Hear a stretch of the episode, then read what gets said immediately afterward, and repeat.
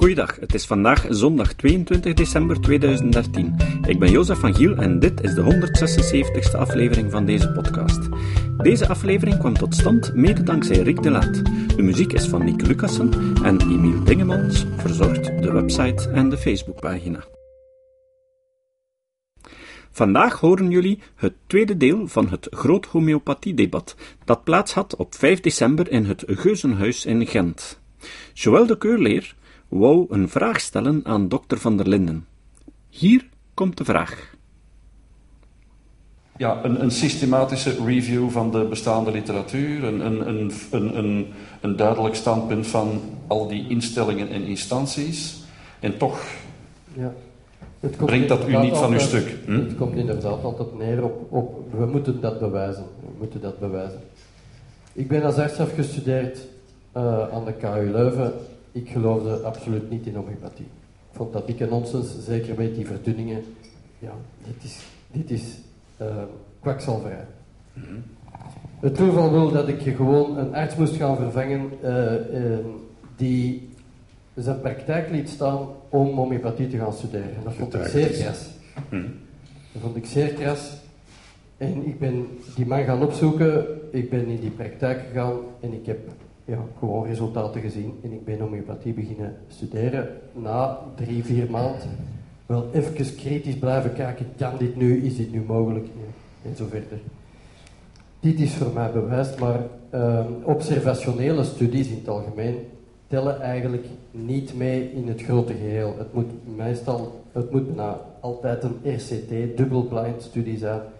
En die observationele studies, die, die worden lager gerankt en die komen er niet uit. Mhm. Een derde punt is dat eigenlijk RCT niet het Dat zijn is- randomized controlled eh, trials, dus waarbij Ja. eh, patiënten willekeurig eh, een behandeling krijgen toegewezen, de placebo of de geteste behandeling en zo verder.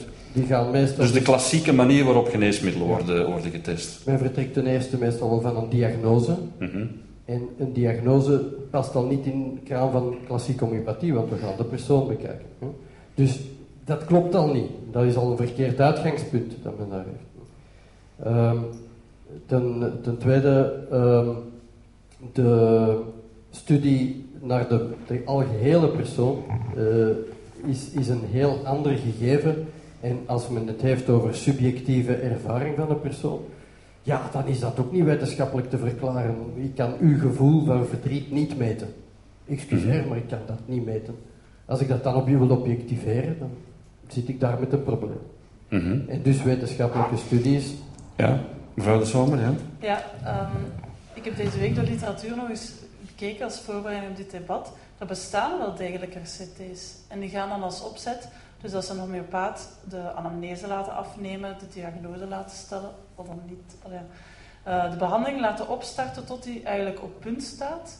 En eigenlijk vanaf dat moment randomisatie eh, invoegen en dan begint eigenlijk de RCT. Dus een RCT is eigenlijk perfect te lopen. u was even aan het twijfelen rond diagnose. Hè? Ja, omdat jullie niet graag hebben dat er een diagnose Ja, op geplakt wordt. Ja, daar begint het probleem, ja. Nee, wat ik bedoel is, je laat de homeopaat zijn werkwijze toepassen totdat de behandeling eigenlijk op punt staat. Dat hij zegt van, kijk, nu zou ik dat product toedienen. En dan pas je de randomisatie toe en het eventuele eh, placebo-middel. En dan heb je een perfecte RCT die zal voldoen aan de Dat is criteria. bijvoorbeeld die studie in, Amsterdam, hè? die zeer grote studie van kinderen met neuskeelontstekingen. dus ik- ik- voor de leek die, die snapt, de mensen gingen naar de homeopaat, die ondervroeg homeopathisch, stelde homeopathische diagnose, gingen dan naar de homeopathische apotheek en daar werd bij lot bepaald, kregen ze pompwater of homeowater. De dokter wist het niet, de patiënt wist het niet. En na ongeveer enkele maanden werden de twee groepen vergeleken. En dan bleek dus dat de meeste kinderen waren veel beter. Er was geen enkel verschil tussen pompwater en homeowater. Hoe noemt u dat ene water? Bond? Eh, Pomp, pomp. Ah, pomp, pomp, sorry, pompwater. Ik dacht pompwater, nee, pompwater, akkoord. Ja. Ja, dus Ja. inderdaad, dat is geheel volgens de homeopathische filosofie gebeurt. Ja. Dus die testen, zoals u zegt, die bestaan wel. Ja, meneer Schepers, ik, ik kom even bij u. Hoe, hoe, hoe kijkt u naar Dank dit? u. Dank ja. u. Eh, ja, maar ja, betreft- dat, ja, de, de, de nadruk waarmee u mij bedankt, doet mij vermoeden dat u op hete kolen zit. Nee, u zit op niet. geweldig Ik had hete kolen. schrik dat ik zo hevig zou zijn en dat ik Ah, nee, nee, nee, nee, nee. Hè? U was daar straks Dus nog ik wel heb, hevig. Ik heb, ik Ja. heb rustig afgewacht. Ja, nee, dat is goed. Wat betreft het onderzoek van het KCE, men heeft alleen een selectie gemaakt van studies na 2000. Men heeft geen rekening gehouden met studies voor 2000. Na En dat zou daar 2000 een cruciaal verschil maken, denkt u? dat is een cruciaal verschil, omdat er eh, voor 2000 enkele RCT's dan op homeopathisch gebied zijn die duidelijk hebben aangetoond dat eh, homeopathische behandeling meer is dan alleen placebo. Na 2000 zijn er om de een of andere reden, na 2000 zijn er om de een of andere reden een negentiental onderzoekingen niet eh, opgenomen in het onderzoek. Maar laten we het daar nu even bij hebben. RCT's. Ik denk dat de vertegenwoordigers van de klassieke geneeskunde, laat me eerst zeggen, ik ben ook klassiek arts, dus ik heb absoluut niks tegen de klassieke geneeskunde. Eh, ik bedoel, zonder de klassieke geneeskunde zouden wij in onze huidige maatschappij niks zijn, dus laat dat heel duidelijk zijn. Maar dus de manier van onderzoeken met RCT, daar is ook binnen de klassieke geneeskunde heel wat vraagstelling bij. Men heeft een eh, tijdschrift, Minerva, dat is een tijdschrift rond evidence-based medicine, zoals dat heet. En daar kun je regelmatig kritische artikels over terug, over eh, eh, RCT's en evidence-based medicine in terugvinden. Waar men dus ook duidelijk stelt dat de complexiteit van de problemen waarmee dat de mensen naar ons komen, dat die niet altijd te vatten zijn in RCT. Ik ga een heel eenvoudig voorbeeld geven. Men onderzoekt maagzuurremmers bij mensen met te veel maagzuurproductie of bij mensen met een maagzweer. Men stopt dat in een studie, maar die patiënt die men daarin stopt, dat is niet de realiteit. De realiteit is dat mensen in onze maatschappij, zeker met het ouder worden, eh, eh, verschillende diagnoses hebben, verschillende ziektes hebben. Dat zij verschillende geneesmiddelen tegelijkertijd innemen, waardoor dat je een heel ander palet krijgt van interactie tussen eh, geneesmiddelen. Dus vanuit de klassieke geneeskunde komt ook duidelijk de, de vraag, ik denk aan een zekere uh, denk ik, die heel duidelijk stelt dat case reports, dus dat zijn dus uh, presentatie van individuele gevallen, dus de, de, de, de magische gevallen waar dus uh, professor Betts over spreekt, waar hij helemaal geen rekening mee houdt. Dus uh, waar duidelijk gesteld wordt dat ook in de klassieke geneeskunde deze meer en meer opgewaardeerd moeten worden. En hij haalt daar een 36 of 39 redenen voor aan waarom dat individuele case rapports zouden moeten opgenomen worden in klassiek geneeskundig onderzoek. Dus ook in de klassieke geneeskunde is er heel veel vraagstelling bij de manier van onderzoeken. En bij de RCT's alleen maar als het summum van onderzoek voor te stellen. Daar is inderdaad uh, ook een, een, duidelijke tendens waar men zegt wij moeten rekening houden met meer zaken dan dat ja. we enkel het ja. RCT kunnen onderzoeken. Ja. En het KCE heeft zich enkel tot RCT's. Ja, ik ga even, even mevrouw De Zomer vroeg daar op het woord. Hè? Ja. ja dus... Dus wat wij bij het KCE gedaan hebben, is het overzicht van reviews. Dat zijn andere auteurs die dus een review hebben geschreven. En we hebben inderdaad een selectie gemaakt van we kijken alleen naar de reviews die gepubliceerd zijn vanaf 2000 tot mm -hmm. uh, 2010, 11 was het eigenlijk. Maar de reviews zelf, die kijken vanaf het begin van de databases, 1960 is dat, tot aan de datum van publicatie. Mm -hmm. Dus eigenlijk coveren eigenlijk alle, ja. alle RCT's. En we hebben niet gekeken naar RCT's, ja. we hebben gekeken naar overzichten van primaire ja. studies en primaire studies. Daar zitten RCT's in, case reports, ja. observationele studies en dergelijke. Ik kom voor, bij mevrouw uit, ik kom even bij professor Bets, om, ik kom, kom dadelijk bij u, maar met, met de vraag, um, kunnen we de discussie niet naar een, naar een fundamenteler niveau brengen? Hebben we zo'n RCT-studies wel nodig om homeopathie te verwerpen? Uh, verwerpen is altijd iets moeilijker. Het is degene die verkoopt, die moet aantonen. Ja, de bewijslast. Ja. Een negatief bewijs is altijd wat moeilijker. Uh, dat zijn allemaal heel ingewikkelde, dure woorden. Maar als je iemand iets beweert, ik kan iets heel gek beweren. Hè? We gaan het RCT doen, zo gezegd. Ik hoop dat iedereen vindt dat ik nu iets totaal gek ga zeggen. Mensen die in een huis wonen met een onpaarnummer hebben minder kanker en grotere neuzen. Hm? Totaal crazy. Wel, ik, verzeker u In de helft van de straten in dit land is dat zo. In de andere helft is het omgekeerd. En als je dan alleen de helft publiceert die in uw kraam past, dan krijg je zogezegd bewijzen. Dat is onder andere de bewijzen die de homeopaten citeren. En eerlijkheidshalve, moet ik erbij zeggen, een aantal grote farmaceutische firma's van de normale geneeskunde hebben zich ook aan dat geschubbel bezondigd. Big Pharma, dat is echt dat is een groot probleem. Het probleem is, die worden aan de schandpaal genageld. Die krijgen enorme boetes. Het homeopaten doen gewoon verder. Dat stoort mij enorm. Mhm. Dus die randomized clinical trial, dat is, je moet ten eerste bij toeval zeggen wie krijgt het en wie krijgt het niet. En ze mogen het niet weten. En ze mogen het niet weten, de arts niet, de patiënt niet, om gesjoemel, beïnvloeding, fanatisme, Oostfrontstrijders en missionaris uh, uit te sluiten. En dan werkt het niet. Dus wat nu werd genoemd, case studies.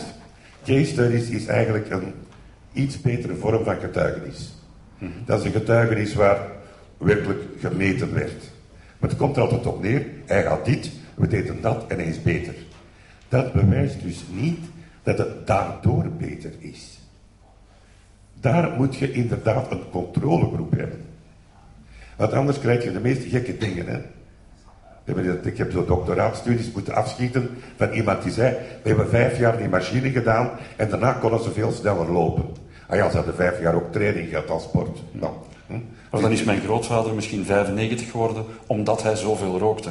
Bijvoorbeeld, ik ken een man van een stuk in de 90, twee pakken sigaretten lukken straks mm -hmm. dag, een fles whisky per dag, 95 en nooit ziek geweest. Dat is een case study. Mm -hmm. Mevrouw Van Tuinen, u, ja, u zit, uh, ja, u vond, ja. Ik denk dat we nog heel lang kunnen doorgaan mm -hmm. wat het punt van wetenschappelijk bewijs betreft. Hè. Het kan niet bewezen worden dat het werkt. Ik heb ook nog geen bewijs gezien, wetenschappelijk bewijs, dat het niet werkt. Maar dat, kan, dat is fundamenteel onmogelijk. Daar moet ik even tussenkomen. Ja, okay, maar... Bewijzen dat iets niet bestaat of niet werkt, dat is logisch onmogelijk. Maar, als ik mag verder spreken, ik ben blij dat u dit nu zegt. Ja, ja, voilà. Ja, moet, ja. Wat is de tweede conclusie van het KCE-rapport? Mm -hmm. Homeopathie werkt niet. Het is niet meer dan een placebo. Mm -hmm. En ik weet nog altijd niet welk tussenwoord ik moet gebruiken. Dus, of en, exclusief artsen mogen homeopathie bedrijven. Nu zou ik heel graag vanavond hier buiten gaan mm -hmm. met deze knoop ontward, namelijk waarom haalt de klassieke geneeskunde iets binnen, of althans is het advies van de minister of van het KCE, ja. om iets binnen te halen ja. dat niet werkt volgens ja. het paradigma van de klassieke. Nu moet ik even misschien kort iets uitleggen. Hè. Dus inderdaad, de discussie is op een, bevindt zich op een hoogtepunt, omdat minister van Volksgezondheid Loret Onkelings aan een erkenningsprocedure werkt. Uh, iets dat in gang gezet is vele jaren geleden door Marcel Collat, hè, de, de zogenaamde wet Collat. En het punt is dus dat, zoals het er nu naar uitziet, misschien moeten we niet te technisch worden, maar dadelijk, dat uh, mevrouw Onkelings zou willen dat homeopathie alleen nog maar mag worden bedreven door mensen met een diploma in de geneeskunde. Daar komt nu iets waar u uh, het, mee eens, het mee eens bent. Als dat ik even daar. wet nu al, hè? Dat, hoe zegt de wet nu al? Dat zegt de wet nu al, ja omdat uh, wie geen geneeskunde heeft gestudeerd, mag geen diagnose stellen. En Ja, precies. Ja, dat is on- onwettige uitoefening van de geneeskunde. Maar dat is iets waar u het mee eens bent. U vindt dat je arts moet zijn voor je homeopathie kunt bedrijven. Ja, Ja. inderdaad. Ja. Ik moest mijn antwoorden kort houden. dus ik heb ja Ongelooflijk. geantwoord. Ja. Ja. Ja. ja. En Ja, u vindt dat uiteraard. En Nee, u vindt dat niet. U vindt als dat ik niet. Er, als ik er met patiënten over spreek, hè, want we Ja. hebben ondertussen eh, 26 of 25 vergaderingen gehad op Mhm. het eh, ministerie. Hè, dus patiënten weten dat we daarmee bezig zijn. Mhm. En dat komt ter sprake dat er zelfs nog zou moeten gesproken worden dat niet-artsen, en dan spreek ik over eender wie, dus zonder enige vooropleiding, zelfs Mhm. vooropleiding van humaniora is niet vereist, dat die eh, dus mensen zouden kunnen gaan behandelen op zich voor eender welke ziekte, dat vinden wij effectief Ja. onverantwoord. Ja. Als het dan gaat over eh, veiligheid van de patiënt, en ik heb begrepen dat het KCE dat als zodanig heeft begrepen, en de minister blijkbaar ook, dan denk ik, ja, schoenmaker blijft bij je leest. Dus als je mensen wil behandelen met geneesmiddelen, en homeopathische producten zijn geneesmiddelen, want ze worden voor het moment worden ze geregistreerd in de uh, commissie homeopathische geneesmiddelen, ook van de federale overheid, van het VAG, het Federaal Agentschap van Geneesmiddelen en Gezondheidsproducten. En geneesmiddelen mogen nog altijd tot nader order alleen door geneesheren voorgeschreven worden. Dus uh, kijk. Uh, Wacht, ik, even, ik, ik, ga, ik, kom, ik kom dadelijk bij u, maar ik, ik kom bij u uh, naast de buur. U bent ook geneesheer en homeopaat, maar u vindt niet dat homeopathie alleen door geneesheren mag worden bedreven. U vindt dat iedereen die een homeopathische opleiding volgt, de homeopathie mag bedrijven. Ik sta voor als docent aan, dus aan het CKH, dus de Centrum Klassieke Homeopathie. En wij verzorgen inderdaad een vijfjarige opleiding tot uh, professioneel klassiek homeopaat. Uh, ik vind, moest de geneeskunde breder zijn dan ze nu op dit moment is, dan zou ik daar niet zo'n probleem mee hebben dat enkel artsen dat zouden mogen doen. Maar uh, de opleiding tot klassiek homeopaat omvat naast de homeopathische kennis een medische basiskennis, psychologie, ontwikkelingspsychologie, psychopathologie. Uh, we, krijgen daar uh, we hebben daar klinische training, praktijkmanagement. Dat is een degelijke opleiding mm -hmm. tot professioneel homeopaat. Maar waarom, waarom vraag je dan niet gewoon een basisopleiding geneeskunde? Dan, dan, dan heb je binnen, al die... Binnen de geneeskundeopleiding kom, komt het aspect wat we met homeopathie doen en de gehele mens eigenlijk niet aan bod. Nee, maar dat zou u dan in die bijkomende opleiding kunnen doen. Hè? Daar, daar zijn de universiteiten niet toe bereid. Er zijn contacten geweest met universiteiten om ah, onze opleiding te upgraden naar een universitaire opleiding, maar dit, is de, dit wordt valikant geweigerd natuurlijk. Mm -hmm. Er zijn wel contacten met uh, hogeschool uh, en uh, we proberen we leveren een, goede opleiding ja. tot, tot professioneel homeopaat die zelfstandig kan werken ja. op, het, op het terrein en die niet vertrekt vanuit ziekte, maar vanuit de persoon. Ja, want ik, ik kom even terug. In feite bent u op een, op een rare manier, zei u daar straks, bent u het eens met professor Bets? Op een rare manier. Of, of op een niet rare manier? Wij, wij hebben dezelfde conclusie, maar wij hebben andere argumenten om tot de mm -hmm. conclusie te komen. Hè?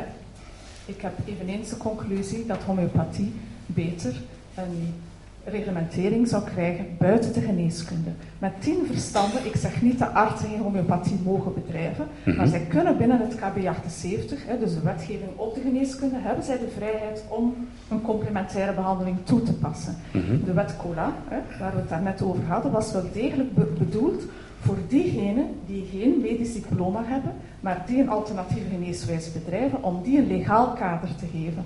En dat betekent rechten te hebben, maar ook plichten. Hè? Dus ja. ook een grens En dat, dat is in, zoals minister Onklings nu bezig is, zit dat er niet in.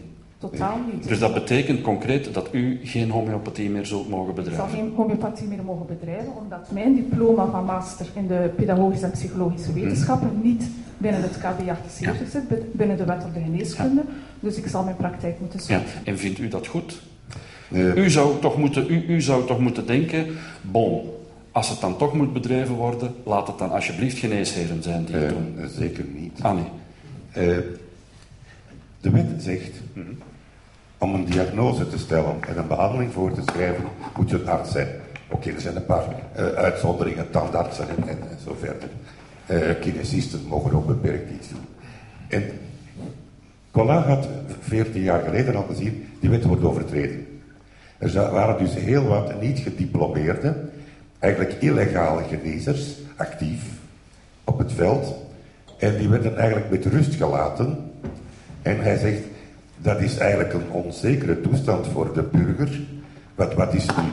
Eigenlijk is de burger vogelvrij voor kwakzalvers, oplichters, misschien ook heel ernstige mensen. Wij moeten daar iets aan doen, wij moeten dat regelen. En sommige ministeries zeiden heel recent, ja, het is zoiets gelijk de tatoeëerders. Uh, het gebeurt, de mensen gaan er naartoe en we willen toch een zekere veiligheid voor de burger inbouwen. En ik denk dat inderdaad dat aspect correct is. Aan de andere kant heb je dus als je arts bent geregistreerd, dan is er dus een tuchtorgaan, de orde die je voorschrijft, artsen moeten gewetensvol handelen en volgens de huidige stand van de wetenschappelijke kennis. Dat wil dus zeggen dat een arts zijn verantwoordelijkheid moet kunnen geven en zich moet kunnen verantwoorden voor welke behandeling. Nu, als we nu artsen speciaal gaan erkennen, om, als een soort specialisme, om een behandeling toe te passen waarvan bewezen is of niet bewezen is dat ze werkt, hm? waar gaan we dan naartoe? Wat is dan de volgende stap? Dokters met specialiteit in exorcisme, dokters in een specialiteit in voodoo, met een kip zwaaien, daar zijn ook enthousiast, enthousiaste mensen over. Dus bij een arts, als je daar gaat, moet je vertrouwen hebben dat die persoon op de hoogte is van wat de wetenschappelijke geneeskunde kan Ja. en niet kan. De, ja, de, de botsing tussen meneer Schepens en meneer li- li- lijkt mij duidelijk. U bent elkaar ook al heel vaak tegengekomen in commissies en zo. U hebt, al, u hebt al heel vaak ruzie gemaakt. Maar dus, u bent arts-geneesheer, dus volgens de orde, u mag zich eigenlijk niet bezighouden met dingen zoals homeopathie, want dat is niet up-to-date met de laatste stand van evidence-based, enzovoort en zo verder. Elke arts heeft therapiervrijheid. Mhm. Ja. En met een, dus hij mag ook met een kip zwaaien. Zegt u dat maar. mag. Zegt u maar. Hij mag ook met een kip zwaaien. Laat u gaan, zou ik zeggen. Hè? Laat Nee, u nee. gaan. Ja? Nee, nee, maar goed. Nee, Ja, maar mag. hè? Dat laat mag. u gaan. Zeg het maar. Ja. Ik wou gewoon een vraag stellen. Nee, nee, Ja. nee, nee, maar u was bezig van. Ik wou- ik zeg, laat u gaan. Ah, wel. Professor Bets geeft het voor van een arts die met een kip zwaait boven zijn hoofd, voodoo Ah, het was dokter Bets. U deed dokter Bets na. Ja, omdat hij net dat gaf en ik dacht, ik Oké. stel er een vraag over en ik stel die aan iemand nee, anders. nee, nee, nee, dat is een geëikte debattechniek die al decennia lang Oké. eeuwen waarschijnlijk wordt gebruikt Mag ik, mag in het ik Westen. Wel, mag ik wel. Maar vindt u dat dat ook mag? Heeft een arts therapievrijheid? Hij mag ook voodoo-technieken toepassen. Met die kip dus, hè? Ja, luister, hier antwoord ik niet op. Echt niet. Want, kijk, eh, meneer de moderator, ik ben 33 jaar arts. Mhm. Ik behandel 33 jaar mijn patiënten van s morgens vroeg tot s avonds laat in mijn patiënt op een correcte manier.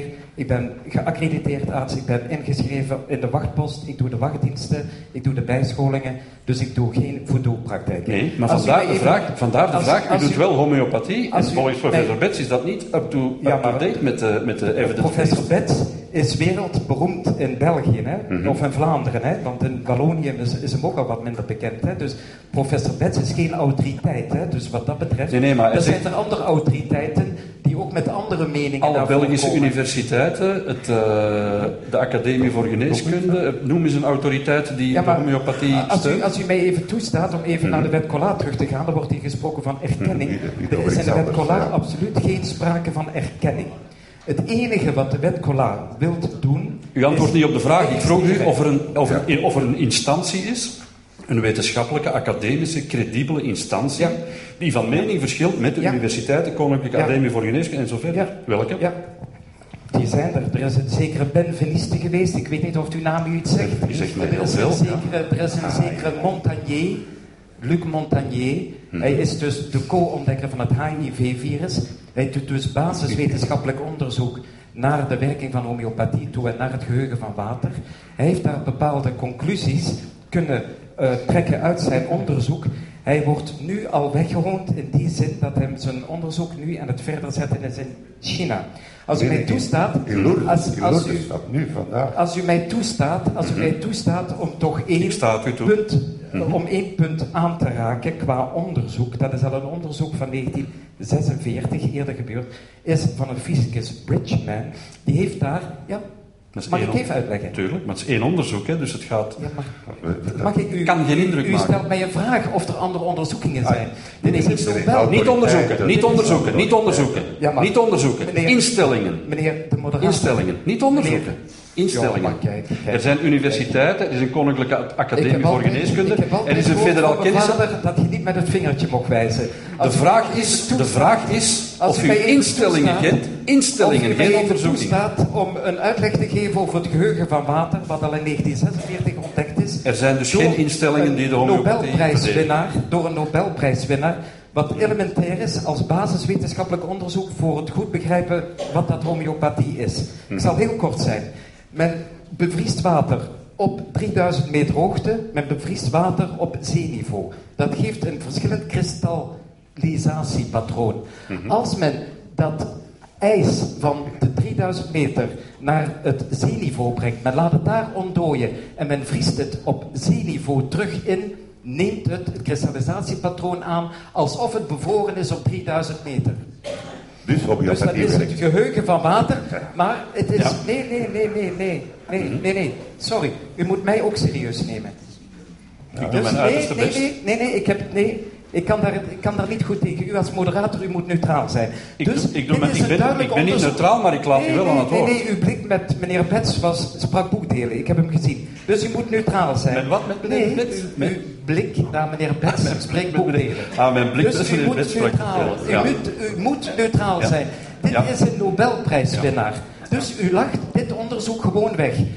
Wat, wat, is, wat is wetenschappelijk onderzoek? Wat is wetenschappelijk? Wat is een wetenschapper? Mhm. Een wetenschapper is iemand die geprikkeld wordt door iets wat hij niet kan verklaren. Ja.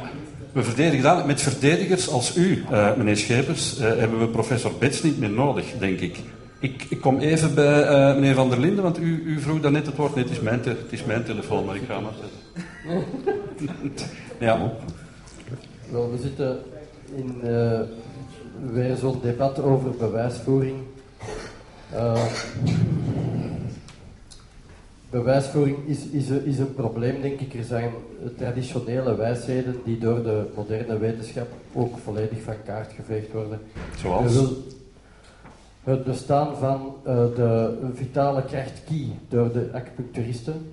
Mhm. Ja, dat is al een eeuwenoud gegeven. Ehm, men weet niet wat placebo-effect bijvoorbeeld echt inhoudt. Jawel, ja, jawel. Eh, het blijft eruit. Kijk op het internet, het zijn raadselachtige dingen. Eh daar wordt nog altijd zo over. Ehm, wat, maar goed, zelfs dan nog, men weet misschien wat dat is, maar wat maakt dat op dit moment dat 30% van de mensen een placebo-effect krijgt en ander moment 60%? Men kan dat verschil niet zomaar gaan interpreteren, of niet zomaar bepalen. En wat maakt dan dat überhaupt een placebo die persoon vanzelf eh, doet genezen? Dat is een interessante vraag. Placebo geneest niks. Hè. Nee, de persoon geneest zichzelf, inderdaad. De? Inderdaad. Is, dat niet, is, De is het placebo-effect, wordt het placebo-effect begrepen door de gene- Is dat wetenschappelijk begrepen? Dat geeft hem een goed gevoel. Mhm. Maar genezen doet dat niet. Nee. Hè? Nee? Nee. Dat het- geeft een goed gevoel. En het kan misschien wat angst wegnemen en dan voelen de mensen zich beter. Maar er is geen enkel onderzoek dat aantoont dat echt placebo een genezende werking heeft. Beter dan gewoon afwachten. Als men in een knie cortisone inspuit ten opzichte van, dat zijn studies, die kent u, die kent u. Men spuit water in of men spuit placebo in. Ja. Eh, of men spuit cortisone in.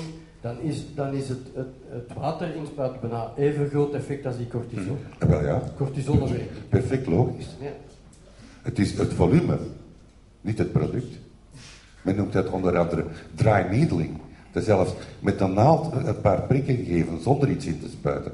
Dat is Maar waarom doet men dat dan niet meer? Maar daarom Als- werkt homeopathie als, nog niet, hè? als dat dezelfde werking zou zijn, waarom doet men dat dan niet? Dat- waarom, men doet dat. Waarom, waarom wil de overheid, ik zal het heel kort houden, geen onderzoek doen naar ons profiel? Elke arts heeft een voorschrijfprofiel. Het recief kan dat gemakkelijk nagaan. We hebben dat nagegaan voor onze beroepsgroep. Wat blijkt dat onze beroepsgroep, wat betreft voorschriften antibiotica, ontstekingsmerende middelen, eh, psychofarmaca gaat Ja. over slaapmiddelen en verdovende middelen. En maagzuurremmende middelen, dat wij op een percentiel zitten kleiner dan 10. Dus ik Dus ben... dat artsen en homeopaten veel minder van die dingen voorschrijven. Ja, dus ik, ik, ik ga u een voorbeeld geven. De, Ja, ik dat zal ook klopt. heel kort houden. De algemene opwarming van de aarde. Daar is heel veel over te doen. Heel veel over te doen geweest. Er zijn nog steeds mensen die daar niet in geloven. Mhm. Maar is het dan niet nuttig dat wij ondertussen onze huizen toch beter isoleren dan 30 jaar geleden? Ik denk dat dat nuttig is. Mhm. Maar- dus ja. homeopathie, ik wil even de vergelijking maken Ja. met homeopathie. Ja. Voor een heleboel mensen is homeopathie niet genezen.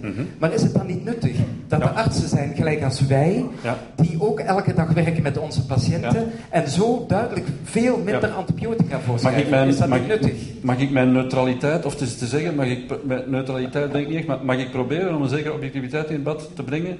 Eh, mag ik dat toch toejuichen, professor Bets, dat er zijn nogal wat huisartsen die mensen vol pompen met antidepressiva en kalmeerpillen en slaappillen. Dat is werkelijk, dat is zeker in ons land, dat is een verschrikking en een plaag en dat is een schande.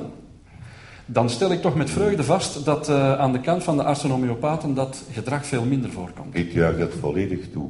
Ik zal zelfs nog sterker uitdrukken. Mm -hmm. Inderdaad, sommige medicijnen worden te veel gebruikt. Onder andere antibiotica. Vanavond nog op de radio gehoord bij het nieuws dat de, de percentages dalen, maar nu moeten we de veevoedermannen nog een beetje uh, bijwijzen. Nu, je kunt geen vergelijking maken tussen de kosten bijvoorbeeld en als de effectiviteit niet in rekening genomen wordt. Want ik kan u verzekeren dat voodoo-kipzwaaiers nog minder antibiotica gebruiken. Mm -hmm. Maar als je de resultaten niet vergelijkt, gezondbieders gebruiken ook veel, meer, veel minder antibiotica. Mm -hmm. Sorry, je moet dus niet alleen de kosten, maar ook de resultaten. U, hebt, u, bent, u bent altijd u, bent u nog huisarts? U hebt, nee, nee, nee, Maar u hebt lang een praktijk gehad? Meer dan twintig jaar. Schreef u wel eens een placebo voor aan een patiënt? Zeker. Ja. En ik dacht dat het vooral tussen de oren zat, dan was het nodig om een ritueel te doen. Ja. En dan schreven we dus een enorme grote cachet voor, waar eigenlijk alleen wat suiker in zat. En, dat... Zonder de patiënt daarvan in kennis te brengen? En ik heb wonderen gezien okay. uh, van de lokale yoga. Er was in het uh, parochiezaaltje, ja. was, uh, waren mensen die dus yoga les gaven. maar nu gaat u een anekdote muziek, vertellen, geen case studies. Hè, die, ja. Ik zeg, wonderen maken is niet moeilijk. Ja. Nee, nee, nee. nee. Mevrouw Van Tuin, u wou iets zeggen? Ik wil daar graag iets op zeggen. Ja, ik, denk, ik, ik heb soms de indruk dat uw microfoon niet werkt. Ja, hallo? Ah, oké, okay, bon, ja? staat hier tot toch aan. Ja. Horen jullie mij? Ja, oké. Um, ik ben dus geen arts, ik mag geen diagnose stellen, dus dat betekent dat elke cliënt, hè, ik mag niet patiënt zeggen, maar elke cliënt die bij mij binnenkomt een diagnosestelling heeft. Dus dat betekent ook dat als een cliënt bij mij op consultatie komt, dat de klacht um, die gediagnosticeerd is, niet tussen zijn oren zit. Hè? Want die is door een arts vastgesteld. Als iemand met klachten bij mij komt, hè, als iemand met de diagnosestelling bij mij komt, de ziekte van Crohn, en dat is in Gasthuisberg vastgesteld, ja, dan zit die ziekte van Crohn natuurlijk niet tussen de oren. Hè. Dus dan ben ik mezelf en mijn behandeling verplicht om te zien of dat er in die diagnose een wijziging komt op termijn. Wat doe ik dan? Ik stuur die patiënt regelmatig terug naar diegene die die klacht gediagnosticeerd heeft, hè, dus die pathologie gediagnosticeerd heeft. En als er uit die frequente diagnosestellingen blijkt dat er wel degelijk een verbetering is, en ik zeg nog eens, dit is geen wetenschappelijk onderzoek, mm -hmm. dit is mijn praktijk, hè, maar als het blijkt dat er een verbetering is, en als ik op de 5000 patiënten die ik tot nu toe uh, gezien heb, hè, twee derde een verbetering hebben op basis van vastgestelde diagnoses, niet door mij, maar door een arts, een huisarts of een specialist, ja, dan vraag ik mij af, hè, waar zit dan dat placebo-effect? Er heeft ooit eens iemand gezegd, ja, dat is omdat je heel vriendelijk omgaat met die mensen. Nu, -hmm. dan zou ik willen zeggen, als mijn vriendelijk omgaan een objectief een objectieve diagnosestelling van de ziekte van Crohn bijvoorbeeld kan genezen, ja, dan zou ik heel graag hebben dat daar onderzoek naar gebeurt. Hè. Dat is één element. Mm -hmm. En een tweede element is, we zijn al heel ver gevorderd in het debat en ik heb nog altijd geen antwoord gekregen op mijn vraag mm -hmm. waarom dat exclusief artsen homeopathie mogen bedrijven als het om een placebo-effect gaat. Maar ik veronderstel dat ja. we daar nog Wel, ik kom, dan kom ik even bij mevrouw De Zomer terug, ja. want ik, ik zou eigenlijk op u een beroep willen doen. U lijkt mij zo'n een, een kalme, rationele... Homeopathische testen. Wel, u lijkt me zo'n kalme, rationele kracht in dit debat. Om, om, om eens te beoordelen hoe ver staan we ondertussen. Wat hebt u al gehoord of geleerd? Of wat is het basisprobleem hier maar vanavond? Ik denk ook dat ik hier vanuit een ander standpunt zit. We mm -hmm. hebben het kenniscentrum een rapport geschreven. En That's bij wijze van spreken afgegeven aan de minister en dat ze haar plan ermee trekt. En terwijl die mensen eigenlijk hun beroep, hun, hun halve leven eigenlijk moeten verdedigen. Dus daardoor is er een andere insteek eigenlijk. Mm -hmm. Maar terug naar het debat. Um, we hebben in de literatuur gekeken naar de effectiviteit. En we hebben in de literatuur ook gekeken naar wat zijn de mogelijke gevaren van homeopathie. Net zoals we bij de andere alternatieve geneeshuizen, zoals osteopathie, chiropractie en acupunctuur gedaan hebben. Mm -hmm. En eigenlijk hebben we in literatuur geen rechtstreekse bijwerkingen van de producten zelf gezien. Dus het is onschadelijk. Laten we zeggen dat dat onschadelijk is. Waar het gevaar wel zit, is dat een patiënt bij therapeut A gaat, zonder enige medische voorkennis, een elektricien slash homeopaat. En dat die elektricien slash homeopaat eigenlijk de diagnose mist van oei, die chronische hoofdpijn kan misschien wel een tumor zijn of weet ik veel wat. Mhm. En dat er ook bestaande bewezen conventionele behandelingen niet worden gegeven aan de patiënt. Dus dat de patiënt eigenlijk wordt misleid. En het is daarom dat we grotendeels hebben besloten van, ja, eigenlijk, homeopathie werkt niet. Maar als de artsen het doen, weten we tenminste zeker dat de patiënt erbij U gaat hebt moeten kiezen uit twee kwaden. U Ja, hebt voor het ook- minste kwaad gekozen. We hebben ook een stand van zaken gemaakt van de Belgische situatie. Mhm. Er zijn twee beroepsverenigingen. Een grote groep arts-homeopaten en een kleine groep niet-arts-homeopaten. Mhm. En eigenlijk hebben we daar zo'n beetje gezegd, ja, voor die, om het niet beledigend te zeggen, die drie man en een paardenkop, dat er in die kleine beroepsvereniging zitten, gaan geen regeling stellen. Maar wat wel het grote probleem is, de mensen die aangesloten zijn bij een beroepsvereniging, zijn sowieso al mensen die kritisch nadenken, bezig zijn over kwaliteit van therapie. En eigenlijk, dat zijn al de mensen op de goede weg. Het is die grote groep van mensen die niet aangesloten is bij een beroepsvereniging, waar eigenlijk compleet geen zicht hebben van wie is er nu eigenlijk homeopaten. Dat zijn de kwakzalvers slash homeopaten. Mhm. En het is eigenlijk om die grote groep, die zouden we eigenlijk in kaart moeten brengen door een registratiesysteem. Ja? Mag ik twee dingen zeggen? Ja, ja. Ik ga op dat laatste eerst reageren. Het is wel deze grote groep die zal kunnen verder werken. Want het is die groep die niet aangesloten is bij een beroepsvereniging, die geen bord aan de deur heeft hangen, die op de hoek van de keukentafel of waar dan ook homeopathie bedrijft. En die hebben het nu al handig opgelost, die hebben ze een andere naam gegeven enzovoort. Die zijn... Voilà. Dus Ja, hoe noemen die Voilà. zich? Of, of, of ja, die noemen zich ach, wat, wat dan ook. holistisch natuurgenezer. Voor, ja, ja. Ik denk Ja. vijf minuten na en u vindt tien termen om, om dit te coveren. Mhm. Dus voilà, missie niet geslaagd zou ik zeggen. En het tweede wat ik zou willen zeggen, ik ga eventjes een voorbeeld geven als pedagoge dan. Stel u voor, hè, een pedagogische tik of een pak rammel bij een kind met gedragsmoeilijkheden hè, wordt ten zeerste afgeraden. In die zin, het werkt niet. Vroeger werd dat gedaan. Hè. Een kind met gedragsproblemen kreeg een pak rammel. Mhm. Wetenschappelijk onderzoek heeft aangetoond dat het niet werkt. Zou het dan een oplossing zijn om te zeggen, dus enkel pedagogen mogen een pedagogische tik uitdelen?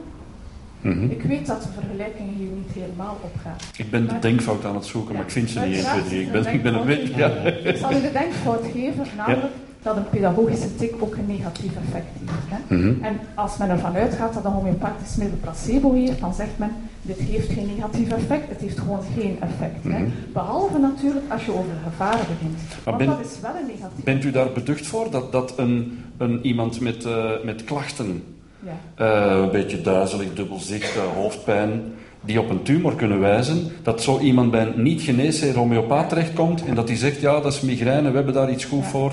Eh, bent u zich, da- bent u zich Ja. daarvan Ik bewust? ga op het puntje van mijn stoel gaan zitten, want ik ben heel blij dat u mij die vraag stelt. Ja. Ja? Ik ga u een voorbeeld geven uit mijn eigen praktijk. Nogmaals, ik ben geen wetenschapper, ik, ben, ik spreek vanuit mijn eigen praktijk. Toen ik nog maar een jaar... Maar u gaat een voorbeeld Ja, geven, ja, hè? maar ik ga het voorbeeld van die tumor geven. Ah, Ik ga het Maar- voorbeeld van die tumor geven. Alleen, hij zat niet in het hoofd, hij zat in de long. In de onderste? Voilà. Met heel wat uitzaaiingen enzovoort. Komt de man bij mij op consultatie. En die man komt rechtstreeks van bij de huisarts. Hè? Mhm. Zonder enige vingerwijzing naar de huisarts, maar die komt rechtstreeks van bij de huisarts. En die man heeft last van een kwalijke hoest. Hè? Ik zie onmiddellijk wanneer die man binnenkomt dat het kleur, het gelaatskleur dat hij heeft, niet in orde is. maar u gaat nu zeggen dat u hebt gezien dat ernstig was in huis, maar, Nee, ik ga u zeggen hoe dat de homeopaat werkt. Ik denk dat u werkt. maar de vraag is eigenlijk, ik moet, ook u, ik moet ook bij u een beetje streng zijn. De vraag is eigenlijk, bent u zich ervan bewust dat iemand met een hersentumor Ik ben mij van meer bewust. Maar bent u daarvan bewust dat iemand, zo iemand bij een niet-arts homeopaat kan komen, zijn klachten beschrijft en dat de homeopaat denkt, "Hm, dat is een migraine die we met middeltje X maar Z gaan kan behandelen? Die kan niet rechtstreeks bij de homeopaat komen. Die Dat kan toch wel? Ik heb, ik heb barstende hoofdpijn. Ik ga antwoorden, ik zal rechtstreeks antwoorden, want u laat mij niet om het voorbeeld te geven. Maar ik zal die man eerst en vooral een diagnosestelling laten doen. Bij mij komt niemand binnen die geen diagnosestelling heeft. En bij al uw collega's? Bij al mijn collega's van de beroepsvereniging, ja. Van die vereniging. Ja, en daarom, daarom onze beroepsvereniging is erkend. Ja. Mhm. En de wet COLA is bedoeld voor homeopaten die bij een erkende beroepsvereniging Dus u aanvaardt geen patiënten die niet van een huisarts komen? Absoluut niet. Maar ik zal u, als ik nog extra mag geven, Ja, ja. die huisarts heeft de diagnose van die patiënt gerateerd. En ik zeg niet dat ik zo kon doen. Ik ben geen arts. Mhm. Maar wat ik wel door had door homeopathisch te kijken, namelijk door ook het emotionele en het mentale beeld van die man in kaart te Mhm. brengen, dat er iets heel destructief aan de hand was. Hè. Wat uit dat lichamelijke nog niet kon afgeleid Mhm. worden. Meneer Van der Linden, u zit... Ja, u zit eh, Ja, ik, ik kan Ja. dat ten volle beamen. Eh, we moeten als, als arts, en als ik dan als klassiek arts, conventioneel arts praat, dan moeten we toch even in eigen boezem kunnen kijken. Alle chronische ziektes nemen toe. Eh, geneeskundige interventies zijn in be- bepaalde landen doodsoorzaak nummer 1 geworden. Dan gaat het wel over alles bij elkaar. Dan gaat het over medicatie misgebruiken, over, Mhm. ja, over eh, patiënt verkeerd opereren en, en ja, allergietoestanden en weet ik wat. Mhm. Uiteindelijk ehm, is er een probleem tussen werking en genezing. En dat is in die studies ook weinig aan bod. Het is niet omdat we een bloeddruk kunnen onderdrukken met medicamenten en dat die persoon levenslang pilletjes neemt, dat die persoon genezen is. Alsjeblieft. Wat hebben we nodig om te genezen? Dat is die persoon in zijn globaliteit eens even gaan bekijken. Wat is daar eigenlijk aan de hand? Hoe zit dat met zijn orthosympathicus? Wat is die hiermee bezig? Met z'n wat? Orthosympathicus is, een, is het, het systeem, het vecht-vluchtreactie van, van zijn systeem, Mhm. Dat veel te, veel te heftig staat. En we Mhm. gaan er daar eens naar kijken om die persoon in zijn algemeen te gaan behandelen. Maar hangt u dan ook de, de theorie aan die, die mevrouw Van Tuinen daar straks zei? Is dat een klassieke homeopathische idee dat iemand die constipatie, die chronisch geconstipeerd is, dat dat iemand is die emotionele dingen vasthoudt? Het lichaam, volgens de homeopathische visie, drukt een lichaam uit wat dat je diep van binnen ervaart en voelt. Ja. Ah, Uw lichaam is altijd de expressie van wat er binnenin gebeurt. En wij kijken naar wat er binnenin gebeurt. Mhm, mhm, Nu, het is, dat, is een, dat is een continuum. Ja? mhm. Uh, als ik vandaag iets meemaak, dan kan ik daar wat weerslag van hebben. Dan kan ik straks wat hoofdpijn hebben bijvoorbeeld. Dat is, ja. Maar daarom ga ik geen hersentumor hebben. Natuurlijk, een hersentumor, dat zal... Hè. Ja. Het is dus een, een continuum van evolutie. En uh, als, een, als er in het lichaam irreversibele zaken aanwezig zijn, dan is het goed dat een arts dat natuurlijk diagnosticeert. Ja, ik kom even bij de arts, bij, bij meneer Betsis. Als ik geconstipeerd ben, hou ik dan emotionele dingen vast? Zo, en volgende week horen jullie of Willem Bets denkt dat we dingen vasthouden als we geconstipeerd zijn. Ik persoonlijk denk van wel, namelijk iets bruins dat serieus kan stinken. Het citaat. Vandaag horen jullie nog een citaat van Daniel Kahneman. Kahneman zei: Als er tijd is om na te denken, dan is vertragen meestal een goed idee. Tot de volgende keer. Dit was de podcast Kritisch Denken. Vergeet niet om alles kritisch te behandelen, ook deze podcast. Voor verdere informatie over deze podcast, links en voor de tekst, surf naar www.kritischdenken.info. Als je deze podcast belangrijk vindt, kun je me steunen door anderen warm te maken ook eens te luisteren. Stuur een e-mail naar vrienden met een link naar de website en plaats de link in de handtekening van je e-mails. Tevens kun je op iTunes deze podcast een beoordeling geven of een recensie schrijven. Of je kan op je eigen website of blog een link naar kritisch denken plaatsen.